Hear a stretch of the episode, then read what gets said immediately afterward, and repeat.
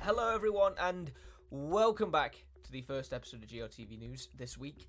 Uh, today, we're going to be picking up on something that took place right at the end of last week in regards to The Last of Us. We talk about The Last of Us show quite a lot on GRTV News, but I think it's because it's quite a popular thing. But uh, but anyway, we're continuing that sort of effort today by talking about various new cast members that have been added to the to the uh, to the to the crew for season two. Uh, four new roles have been filled.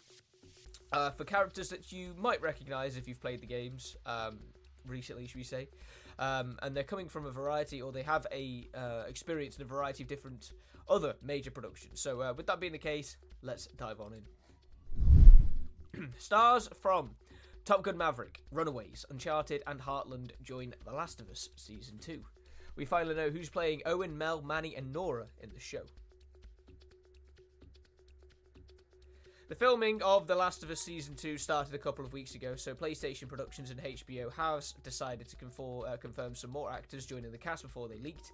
Uh, Max X account uh, has announced that Danny Ramirez, Top Gun Maverick, and The Falcon and the Winter Soldier, Ariela Barer, Runaways, and How to Blow Up a Pipeline.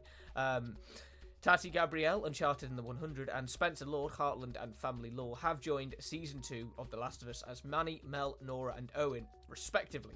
None of these will spend much time with Pedro Pascal's Joel or Bella Ramsey's Ellie in this season that is expected to start in early 2025, as they're all a bigger part of Abby's, um, played by Kaitlyn Dever, uh, life.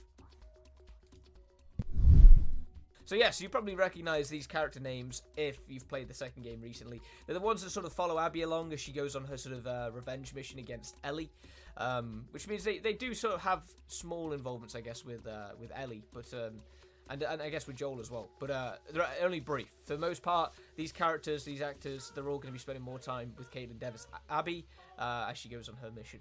Uh, but yes, as Eric puts in the news piece there, The Last of Us Season 2 is supposedly supposed to release sometime in early 2025. So we're expecting, well, production is sort of ongoing, and then we're expecting the season to drop in about a year's time.